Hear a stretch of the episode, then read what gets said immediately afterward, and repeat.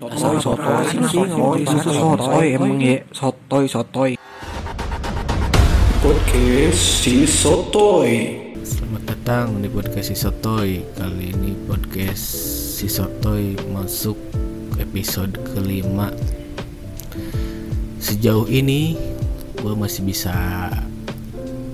eh, Apa ya Masih bisa konsisten untuk upload dan cari materi seminggu sekali jadi upload gitu. Kita nggak tahu ke depannya mungkin nanti bisa kalau lagi males dua minggu sebulan dan hilang podcast ini. Cuman ya selagi gue bisa sempat kerjain ya gue kerjain gitu. Dan bahasanya biasanya podcast itu ini lebih ke ya gimana gue aja gitu ngebahas-bahas berita kadang-kadang kadang-kadang ngebahas keresahan gue sendiri gitu. Terus kadang-kadang eh, sharing cara sudut pandang gitu. Ya gitulah. Ya nggak penting sih podcastnya. Ini tuh gue akan itu lagi bingung nyari nada yang buat pas gitu buat kebuka acara itu jadi yang menarik gitu apa harus semangat gitu ya. Halo gitu. Atau halo? Atau ya selamat datang. Nah, gue masih bingung nih. Jadi beberapa episode ke depan kalau masih ada gitu podcastnya kayaknya akan terus-terus berubah dan tidak satu nada gitu. Karena masih bingung gimana yang bagusnya. Ya oke. Langsung kita ke pembahasan aja kali ya jadi yang pertama kali ini gue akan bahas berita yang ada di Depok nih. Yang bikin gue juga tertarik menoleh gitu ya. Apa nih gitu? Dan berita itu tuh sempat jadi trending pertama juga di Twitter. Beberapa jam gitu kalau nggak salah sempat tuh. Apalagi kalau tidak tentang babe babe babe ngepit sih ya tentang babi ngepet men. Ngepet men 2021 gila. Jadi gini mungkin gue di sini bakal ceritain kronologinya dulu ya. Jadi kronologinya itu jadi gini. Di kota Depok itu cerita yang beredar ada babi ngepet ditangkap Senin 26 April 2021 malam oleh warga ya sekitar 20 mau ganti ke 27 gitulah tanggal jadi ya tengah malam gitu. Jadi berdasarkan cerita yang kesebar tuh penangkapan tersebut dilakukan oleh Ustadz Adam Ibrahim. BTW nih dia Ustadz karena dipanggil di sekitar kampungnya ini aja gitu. Mungkin ya dilabelin sama kampung dia juga yang nggak tahu ya. Mungkin sebegitu mudahnya mendapatkan label ini lanjut ya. Terus dia juga dibantu oleh beberapa orang lainnya di sana. Jadi nggak cuman si bapak-bapak eh, lansia ini bapak-bapak Adam ini gitu. Jadi dalih bapak Adam ini mengaku bahwa dirinya membantu tetangga yang beberapa kali kehilangan uang namun ya, berdasarkan hasil penyelidikan ternyata cerita babi ngepet tersebut hanya merupakan rekayasa, rekayasa semata men. Jadi si Pak Adam ini setelah kemarin viral-viral rame, gue juga sebenarnya ini babi ngepet serius gitu. 2021 men ada yang nangkap babi ngepet gila. Terus nggak lama kemudian kelihatan uh, beritanya ternyata ini palsu. Ya, iyalah pasti jadi gini nih. Jadi ini faktanya tuh jadi sebenarnya Bapak Adam Ibrahim ini nyiapin rencana cerita ini tuh dari bulan Maret lalu. Men emang bener niat banget sih ini si Bapak. Sampai sebulan loh nyusun rencananya gila. Manihis manihis. Penuh rencana penuh rencana Jadi di sini gue bakal cerita ini beberapa fakta menarik dan kenapa bisa orang-orang di kampung itu bisa percaya sama bapak ini. Kalau emang benar ada babi ngepits. Jadi gue searching-searching, ternyata awalnya Bapak Adam ini mulai mendengar nih awalnya tuh ada berita rame-rame di desanya tentang banyaknya warga yang kehilangan uang. Nah, situ tuh. Nah, bisa nih kayaknya. Jadi, nah jadi dari situ dari situlah ide babi ngepet eh, tercetus gitu dari si Bapak Adam ini. Tapi ya gue pikir si Bapak ini gercep sih emang.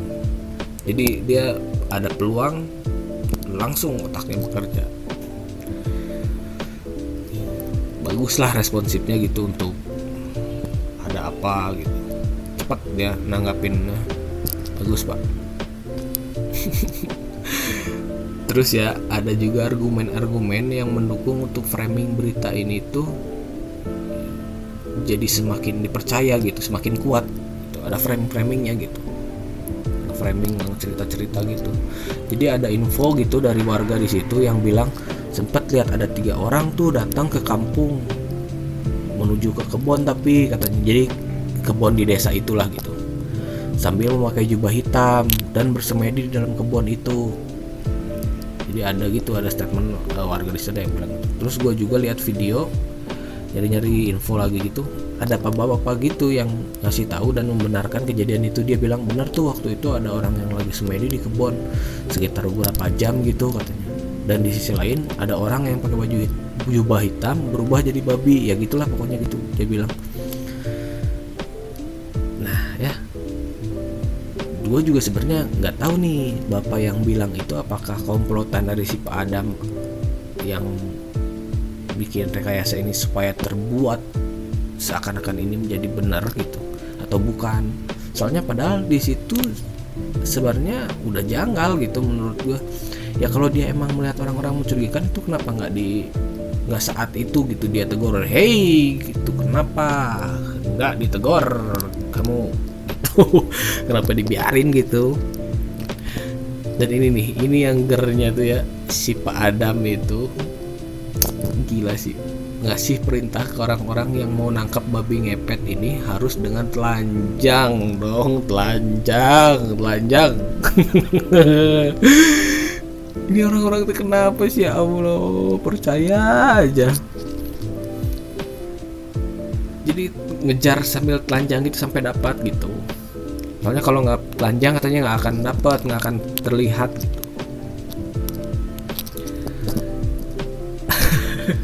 Ini imajinasi visual gue hancur banget sumpah anjing emang. Jadi jadi kan gue ngebayangin beberapa bapak-bapak telanjang lari-lari gitu kan berarti tanpa sehelai benang pun kan?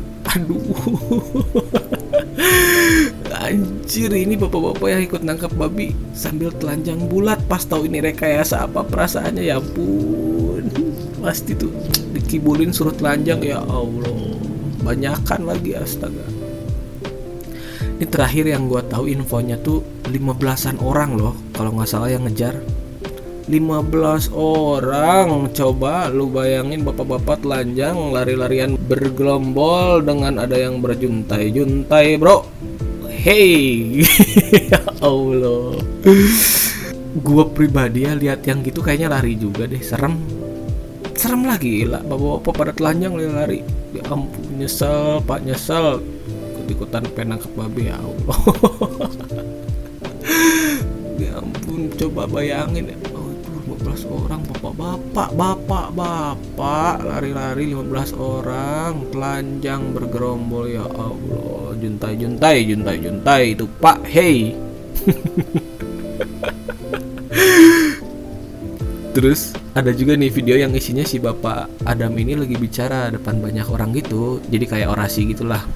Dia bilang dengan pede gitu.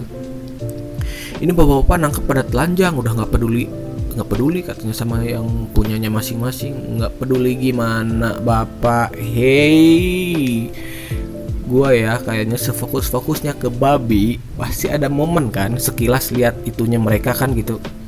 Anjir ya Allah. Ya Allah kenapa orang-orangnya? Kenapa orang-orangnya pada masih percaya sama babi ngepit? Di dalam hati bapak-bapak ini kan pasti ada yang julid ya pasti kan ada yang ngecengin gitu. Punyanya bapak-bapak lain gitu kan. Kecil amat itu. Anjing kenapa itu panjang bener goblok? Anjing geli sendiri gue bayanginnya visual gue hancur episode ini. Ya Allah ya Allah. Nah ini di antara kalian kan pasti pada bingung juga. Mungkin ada yang nggak tahu juga nih kenapa ada babi di situ gitu. Ternyata yang gue cari infonya Pak Adam Ibrahim ini dapat babi dibeli secara online dengan harga 900.000 dan biaya kirim 200.000 gila gila emang. Sampai ngemodal satu juta seratus dong buat menyukseskan kayak saya kayak gini ya ampun dan niat niat niat. Gila beli online online online. Jadi babi yang dipesan Pak Adam ini tuh datang pada Senin hari itunya Senin malam gitu yang gua tahu tuh sekitar jam 11 gitu kalau nggak salah infonya. Tuh terus jadi ya langsung nyampe babi itu langsung dilepaskan di dekat rumah gitu. Nah terus selanjutnya Pak Adam ngajak beberapa orang lainnya untuk melakukan penangkapan babi. Dan setelah tertangkap babi ini ditempatkan di kandang yang udah disiapkan di pinggir rumahnya Pak Adam ini dan tentunya terjadilah sebuah tontonan warga seketika. Jadi tempat wisata baru gitulah kira-kira. Tapi dan emang langsung serame itu gitu rame banget gitu. Pas gue lihat-lihat juga gitu info-infonya gila rame. Pada pengen lihat ya itu babi ngepet gitu. Walaupun sebenarnya bukan babi ngepet gitu. kasihan bener itu babinya. Dituduh udah masih kecil gitu kan gue liatnya masih kecil gitu. Terus yang gue tahu tuh infonya si padamnya juga dia bilang ini waktu pertama ketangkep tuh besar katanya. Tapi pas saya buka kalungnya tuh jadi sebesar ini sekecil ini katanya gitu. Dia dia bilangnya gitu. Dan gue juga menurut info yang gue dapat tujuan babi ini dikurung yaitu menunggu babi ini berubah kembali jadi wujud manusianya gitu. Jadi dia nunggu ya ampun. Ditunggu mah emang lama. Kalau ditungguin nunggu berubah. Dia jadi jangan usah ditunggu. Ditunggu masih lama bro. Aduh. Jadi eh, selain menunggu jadi wujud manusia jadi menunggu kalau ada warga yang merasa kehilangan anggota keluarganya gitu. Berarti dia bisa disuruh lagi kalau itu teh si babi ngepetnya gitu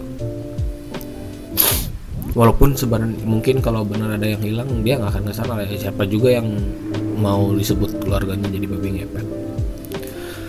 Nah tapi nggak berapa lama babi ini dikurung uh, sekitar ketangkep tuh kan jam nah malam lah jam satu jam jam 2 gitu. Setelah juhurnya itu siangnya besoknya langsung dipotong sama si Pak Adamnya ini. Alasannya katanya karena adanya babi itu di sini menyebabkan ada adanya kerumunan katanya. Ya memang memang sungguh berbahaya di dalam situasi sekarang ini kan. Yang gua nggak habis pikirnya gila kepikiran motong babi ini dengan alasan menyebabkan kerumunan. Padahal mah ya jelas dia takut makin besar beritanya ini pasti. Takut kebongkar kayak saja pasti. Edan gila sampai ada ide. Berarti kan benar gercep gitu dia uh, ada berita ini set langsung gitu masalah solusi masalah solusi langsung gila gila. Tapi ya gue pribadi nih bingung loh serius kenapa masih ada yang percaya dan kemakan sama yang kayak gini-gini gitu. Men 2021 ya ampun di era silaturahmi disuruh nggak boleh ketemu sekarang tuh cukup pakai video call willy willy willy willy. Dan lu tuh masih percaya babi ngepet ini ya Allah ini sekarang udah ada HP yang bisa dilipat terus jaringan internet udah kenceng wifi udah ada beberapa tempat yang bebas. Bener loh sekarang ini aduh nggak bisa habis pikir sih gue terus eh, apa yang dilakukan Pak Adam ini merupakan upaya Bapak Adam semata-mata ingin terkenal men. Fame fame ya ampun. Ya emang ya fame tuh kadang sangat nyilauin banget banyak banget yang pengen fame itu ya contohnya si bapak ini aja sampai ngebuat cerita kayak gini buat dapetin fame tentunya dong sangat niat banget buktinya sampai rela ngeluarin modal kan dan terencana lagi nggak abal-abal spontan gil gitu gitu misalnya oh ini ini. sebulan men nyusun rencananya gila Selain itu infonya tujuan Pak Adam bikin rekayasa ini tuh agar majelis taklim yang dimiliki oleh Pak Adam ini kembali rame. Katanya gitu. Soalnya selama ini majelis taklim milik Pak Adam ini sepi. Sungguh Pak Adam, Pak Adam membuat inovasi yang sangat bagus untuk marketing taklimnya. Tapi ya terlepas itu semua ya, salah satu tujuan Bapak Adam ini terwujud sih kata gua tujuan bapak ini kan tadi pengen terkenal kan nah sekarang udah terkenal nih pak tapi sebagai kriminal kriminal pak kriminal. Ya ampun. Nah ini nih yang yang lucu bener deh aduh. Jadi udah itu gitu ya muncul lagi nih. Jadi ada ibu-ibu yang kalau gua jadi tetangganya sih ogah sama orang-orang model gini nih. Ngeri ngeri bro asli. Kelihatan kayak dikit dibilang ngepet ya ampun astaga. Jadi intinya dia memfitnah seseorang kalau dia itu tersangka babi ngepetnya gitu. Jadi ibu ini memfitnah orang adalah babi ngepet dengan alasan orang itu kaya banyak uangnya tapi pengangguran. Ya Allah ibu hei. Aduh hei ibu. Ada loh bu yang namanya nyari uang tuh pakai otak bu. Nggak selalu pakai tenaga sampai harus keringetan terus harus kelihatan sama ibu. Ibu dunia itu udah maju jauh ibu. Eh, ibu ke mana aja tuh dia mulu di tempat. Pemikirannya teh dia mulu di tempat ya Allah. Sekarang tuh bu diam di kamar aja kadang bisa ngasilin uang loh bu. Ada namanya trading jual beli online terus ada yang juga review-review bayar review-review barang yang di rumah gitu. Terus dia upload ke internet dapat uang bu. Aduh. Jadi gini dia di videonya dia bilang kurang lebih gini iya pak udah saya pantau pak. Ini dia nganggur tapi uangnya banyak. Anjing kesel banget aing dengarnya tai emang. Tapi ya respect sih setinggi tingginya dari gue buat mas-mas yang dituduh ini. Bisa sampai tetangganya nyangka dia ngepet respect respect mas. Hey anda sukses. Respect respect. Karena men sekaya kayanya orang belum benar-benar kaya kalau belum tetangganya ngira itu pesugihan men. Anjing aing pengen belajar nih sama mas-mas ini yang dituduh gila. Respect mas respect respect. Tapi kebayang nggak ini ibu-ibu pas tahu babi ngepetnya itu ternyata rekayasa ah? kebayang nggak? Lah kok rekayasa sih? Gua mana udah nuduh orang lagi. Mana videonya udah viral. Nih kalau kata anak-anak tiktok tuh pas momen dikasih backsound yang gitu pasti yang panik nggak? Panik nggak? Panik lah. Pasti semua momen teh panik nggak? Apa apa panik nggak? Siapa panik nggak? Nah sih teh di panik panik tapi ya singkat cerita akhirnya si ibu-ibu yang kita sama-sama tidak inginkan buat tetanggaan ini minta maaf juga nih dan mengklarifikasi pertanyaan pernyataan perkataan perkataan dia sewaktu memfitnah tetangganya itu. Dan kabarnya ya si ibu ini juga akhirnya diusir dari kampung itu loh. Meresahkan bunda. Ah meren langsung diusir nih kalau berapa lama ada apa-apa masih nih riuh nih. Ini kan ibu-ibu ini yang provokator kan yang bilang eh eh bu tahu nggak si ibu itu ya? Nah ibu-ibu tipikal yang gini nih kayaknya nih yang kayak gitu makanya bu kalau ada apa-apa tuh jangan sok-sok ikutan nimbrung gitu. Sok toibet dah bu kayak podcast ini. Ini kalau ada yang ngomong di ujung tuh di ujung. Iya tuh emang itu tah. Yang gini nih yang gini. Gitu.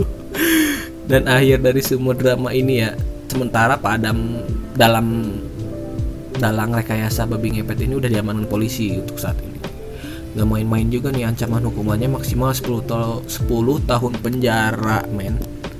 Mana mau lebaran ini sekarang? Aduh kasihan bener kasihan bener. Yang sebenarnya ternyata emang benar ada atau enggak gitu. Cuman untuk gua pribadi sulit untuk menerima kalau itu tuh benar ada gitu. Ya karena dengan keberagaman Indonesia budaya banyak gitu ya. Banyak perilaku perilaku perilaku yang ya beragam lah gitu. Ya mungkin aja cuman ya gua pribadi sulit aja untuk menerima kalau babi ngepet itu bener ada gitu. Ya mungkin itu aja bahasan gua tentang babi-babian gitu. Cuma segitu aja. Dan ada satu pembahasan lagi nih yang pengen banget gua bahas yaitu tentang tipisnya perbedaan antara ria motivasi atau bentuk rasa syukur. Tapi tapi sebelum masuk ke pembahasannya ya gue pikir emang bener loh. Kebutuhan manusia tuh sekarang udah bertambah bener dulu kan kebutuhan manusia itu sandang pangan dan papan itu kan. Nah sekarang nambah tuh. Jadi sandang pangan papan dan nambah satu lagi perhatian. Tapi menurut gua ingin diperhatiin ini yang ngebuat jadi ada jiwa ria yang timbul. Beneran loh. Karena soalnya kadang seseorang butuh perhatian itu jiwa pamernya akan keluar tahu serius. Terus juga ada yang bilang gini gak boleh gitu wak. Siapa tahu dia update gitu tuh bukan ria tapi emang untuk memotivasi orang aja gitu. Iya emang iya. Tapi justru kalau buat gua saking tipis bedanya jadi orang ngelihatnya gimana gitu. Maksudnya gitu gitu. Kalau gua ya kalau gua nih loh ya mending gak usah diupdate sekalian. Beneran dah. Ngeri bro.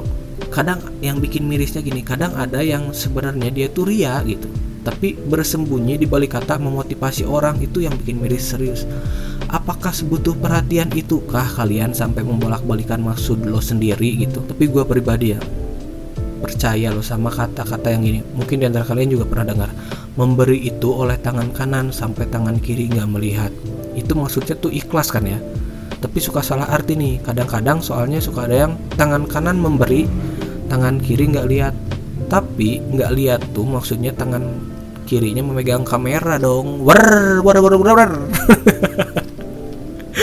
jadi tangan kanan ngasih tangan kiri megang kamera. Aduh ya nggak lihat sih cuman ya megang kamera gitu.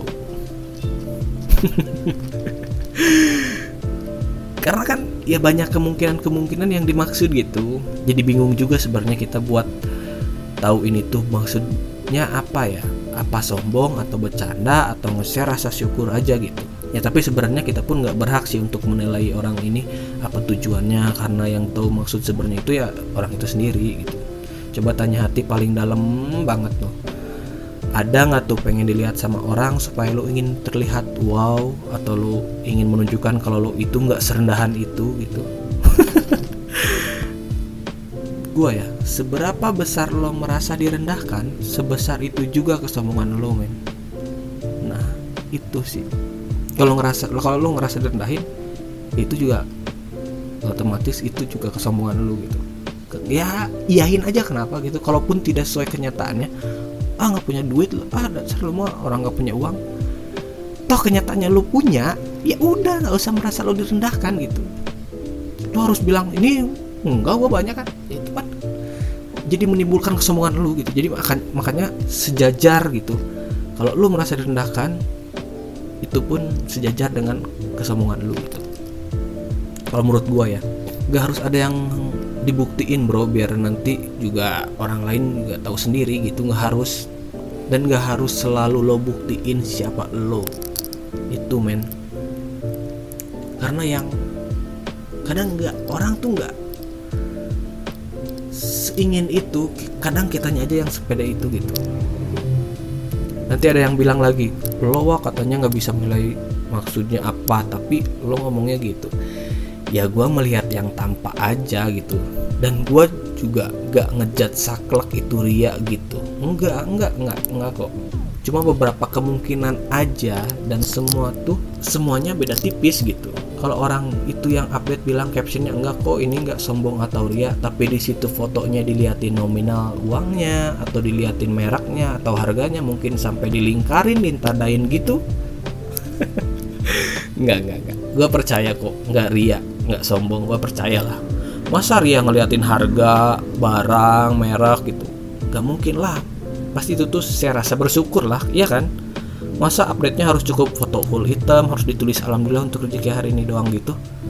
Nggak mungkin lah nanti nggak ada yang percaya gitu. Dia dapat sesuatu kalau nggak diliatin objeknya.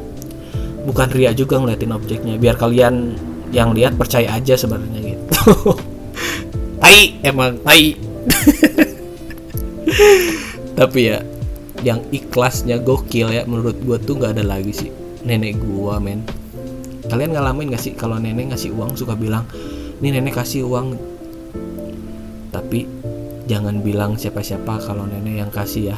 Deh itu men definisi ikhlas bro. Itu bro. Hamba Allah teh bro. Nggak disebut nama jangan kasih tau yang lain. Nah kayak sekarang aja nih ya. Mau lebaran nih. Kalau dulu kan zakat kadang kita bisa langsung datang masjid kan. Kadang sama tetangga juga kita kelihatan tuh wih kok zakat nih tanpa tanpa mungkin bermaksud untuk memperlihatkan kalau gua tuh zakat misalnya. Ya karena emang prosesnya ini kadang menyebabkan bisa diketahui orang gitu karena jalan kelihatan gitu ya. Nah sekarang kan ada zakatnya melalui online tuh. Terus di apa didukung dengan situasi kayak gini gitu yang kadang ada yang parno untuk datang ke suatu tempat itu bisa memakai online ini gitu dan itu tuh sangat bisa banget buat lancar dan gak diketahuin orang. Kalau iya nggak butuh penilaian orang bro. Tapi justru yang gue takutin tuh malah timbul kayak gini. Lah kok gue jakat? Orang nggak ada yang tahu ya. Jadi sampai dia ngerasa ada yang kurang nih kalau gue jakat. Kok nggak ada yang tahu? Nah itu bro. Jadi mungkin sampai ada yang di screenshot transaksi jakatnya terus dikasih caption deh gitu Alhamdulillah udah jakat tahun ini. Duh gimana ya gue liatnya tuh? Nih gue nih gue suka banget kutipan kata dari Ali bin Ali Tholib itu yang kadang sebenarnya buat evaluasi diri gue sendiri sih sebenarnya. Apa gue gitu nggak ya gitu? Jadi buat nilai sendiri aja. Jadi kata beliau itu malas jika sendirian Semangat jika di depan orang, senang jika dipuji, putus asa jika dicela. Nah, bro, renungin bro, tah. Jadi dia malas tuh kalau sendirian, tapi semangat kalau di depan orang. Nah, kadang ya buat evaluasi gue, gue gitu nggak ya gitu. Kenapa gue kalau sendirian malas, kalau depan orang jadi pengen sok terlihat. Gitu. Terus gue kadang, kenapa gue senang kalau dipuji terus kalau putus asa putus asa gitu kalau gue dicela nah, mungkin ya itu jangan gitu gitu minimal buat gue sendiri sebenarnya kalau buat gue ya salah satu cara gue untuk tahu updatean gue ini tuh ria apa bukan gue suka inget ini. Jadi gue juga kadang punya filter sendiri dan bisa ngerem gitu. Uh, yang saat kita ya gitu saat kita update apakah untuk mencari pujiannya atau emang pengen update aja? Nah itu gitu. Gue ulang ya. Saat kita update apakah untuk mencari pujiannya atau emang pengen update aja Nah, tapi itu tuh bisa diketahuinya ya oleh kita sendiri gitu. Tanya hati kita masing-masing aja. Saat update sesuatu, gua update biar apa nih gitu? Mencari pujian atau emang pengen update aja? Gitu sih kalau gua. Main nih ya. Gak harus cari perhatian untuk dipuji dan dapat pengakuan. Beneran dah. Karena langit aja nggak perlu menjelaskan kalau dirinya tinggi, men boom nggak iyalah yang minimal ya kalau kalau gua ya kalau tentang berbau-bau privasi apalagi seperti ibadah jangan terlalu dijadiin konten lah. Yang bisa dilihat banyak orang gitu. Takutnya nih takutnya ya malah jadi bumerang buat kita sendiri kan gitu.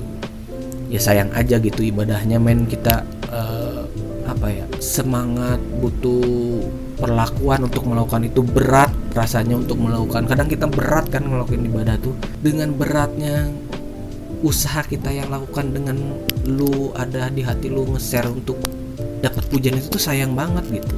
Tapi tapi ya itu menurut gua ya. Tapi kalau kalian emang lebih suka untuk memperlihatkan ya mungkin kalian butuh untuk memperlihatkannya ya nggak apa-apa gitu. Cuma terutama buat gua enggak gitu. Soalnya nanti tuh biasanya suka ada lagi yang bilang ini apaan sih wah nggak apa-apa lah ibadah gua share. Ya nggak apa-apa gua nggak nyalahin juga kalian yang beda sama gua dan mungkin emang kalian butuh untuk memperlihatkan itu gitu. Ini mau sudut pandang gua aja gitu menurut gua aja men. Beda itu bukan berarti salah kok sama kayak bukan berarti kalau banyak itu benar men. Contohnya demokrasi vote aja misalnya ada 80 orang yang memilih A dengan latar belakang A ini dia penjahat.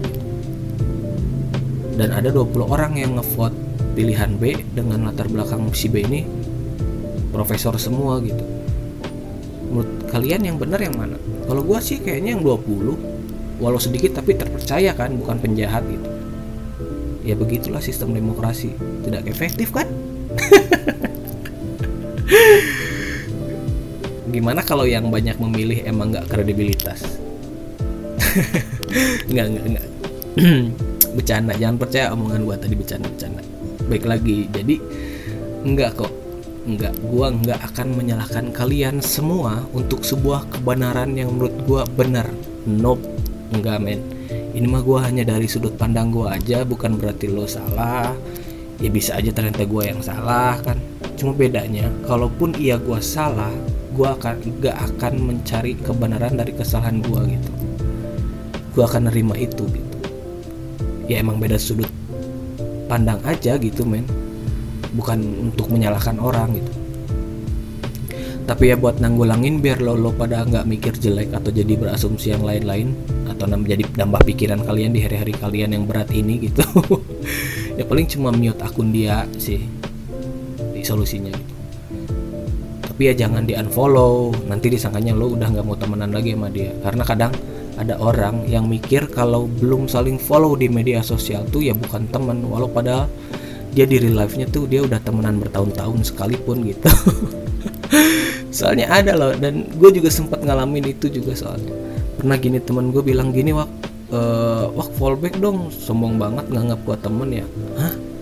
Bentar-bentar men kalau anggapan lo saling follow di medsos itu parameter pertemanan kayaknya lo salah deh. Gue pribadi ya mikirnya seorang memfollow siapa pun itu berdasarkan kemauannya dia. Yang ingin dia lihat bukan berdasarkan paksaan lo atau disuruh gitu.